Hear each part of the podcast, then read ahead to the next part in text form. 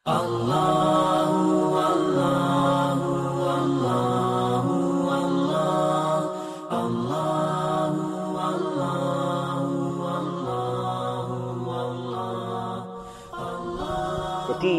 itulah. Maka yang kedua kata tala. Tala jadi tilawah.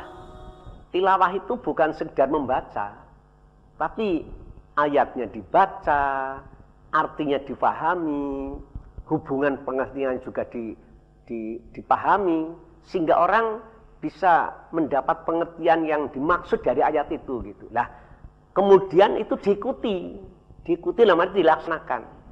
Lah, itulah wahyu yang diberikan kepada para nabi dan rasulnya disebut wahyu matlu gitu.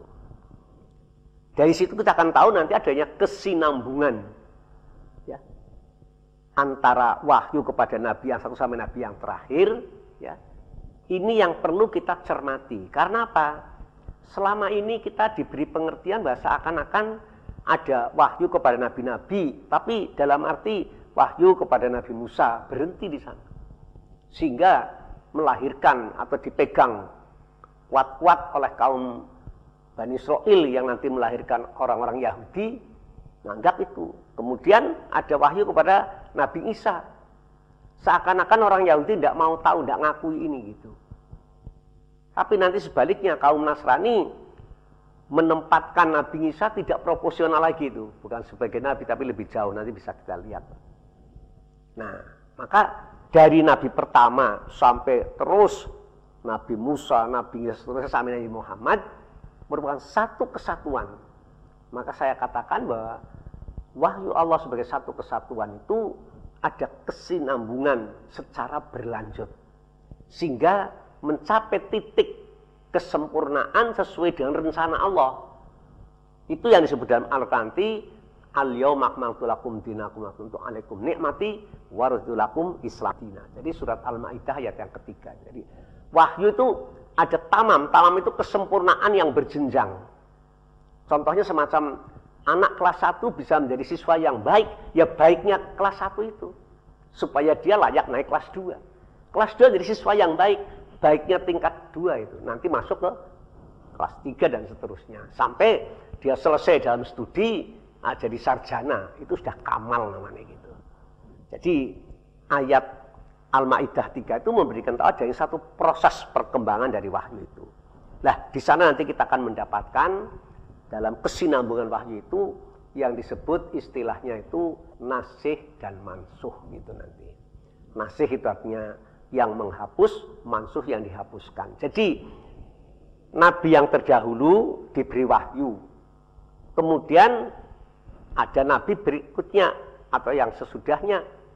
Nanti apa yang pernah diberikan kepada nabi yang pertama ini ada yang tetap berlaku. Itu diturunkan kembali kepada nabi yang berikutnya. Ada yang dilupakan oleh masyarakat. Kemudian diturunkan kembali kepada nabi berikutnya. Ada yang memang perlu diganti.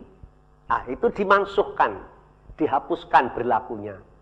Tapi sebaliknya pada nabi yang berikutnya ada wahyu yang dulu belum pernah diberikan.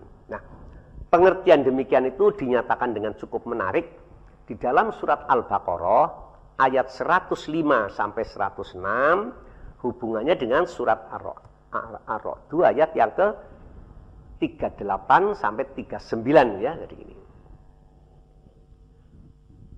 Ma yawaddul ladina kafaru min ahlil kitabi wal musyrikina ayyunazzala alaikum min khairi min rabbikum wallahu yahtassu bi rahmatihi mayasya wallahu dzu fadlil adim manan sah min ayatin aw nunsiha na'ti bi khairi minha aw misliha alam taklam anallah ala kulli syai'in qadir jadi tidak senang orang-orang kafir ahli kitab dan para musyrikin bila diturunkan kepada kamu ayat-ayat yang lebih baik dari Robmu.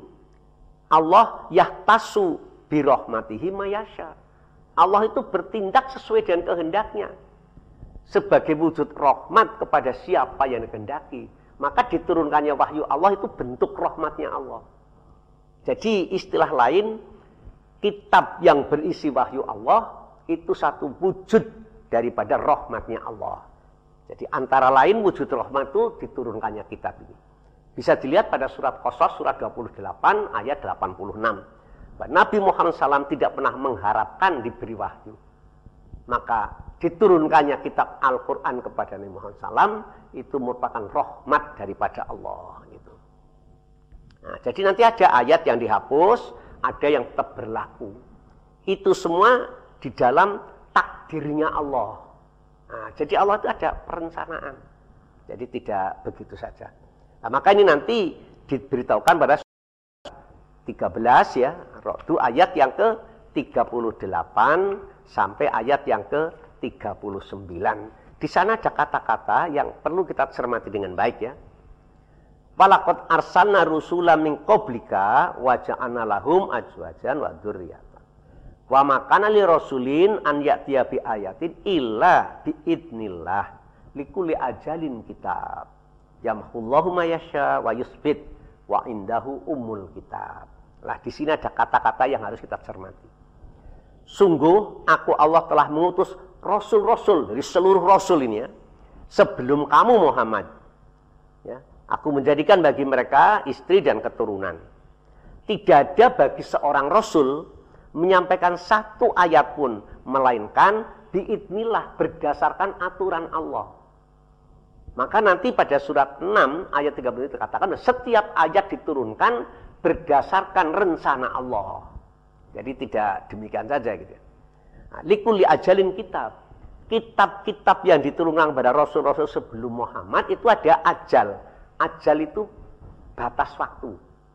Maka ada tiga istilah yang perlu kita perhatikan. Ada ajal, ada wafat, ada maut. Ajal itu batas waktunya. Kalau batas waktu terpenuhi, itu namanya wafat. Kalau wafat jadi maut mati gitu. Jadi dalam bahasa Indonesia kadang-kadang kata kata mati dengan wafat dibedakan. Kalau wafat untuk orang-orang terhormat, mati orang biasa. Itu sebenarnya pengaruh budaya Indonesia saja. Dalam Al-Quran wafat terpenuhinya batas waktu yang ditentukan ada di maut gitu.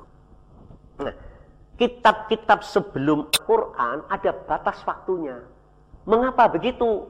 Nah ini ada rahasia yang perlu dipahami. Berarti Allah menyatakan menurunkan wahyu kepada para nabi dan rasulnya itu merupakan nukilan atau kutipan dari umul kitab. Maka tadi ada kata-kata umul kitab ya. Nah, maka perlu diketahui ada istilah ya Alkitab, utul kitab, utu nasibah minal kitab, ahli kitab, dan umul kitab. Ini istilah-istilah yang kurang diperhatikan dalam perkembangan sejarah. Tapi Al-Quran cukup jeli mengingatkan soal itu.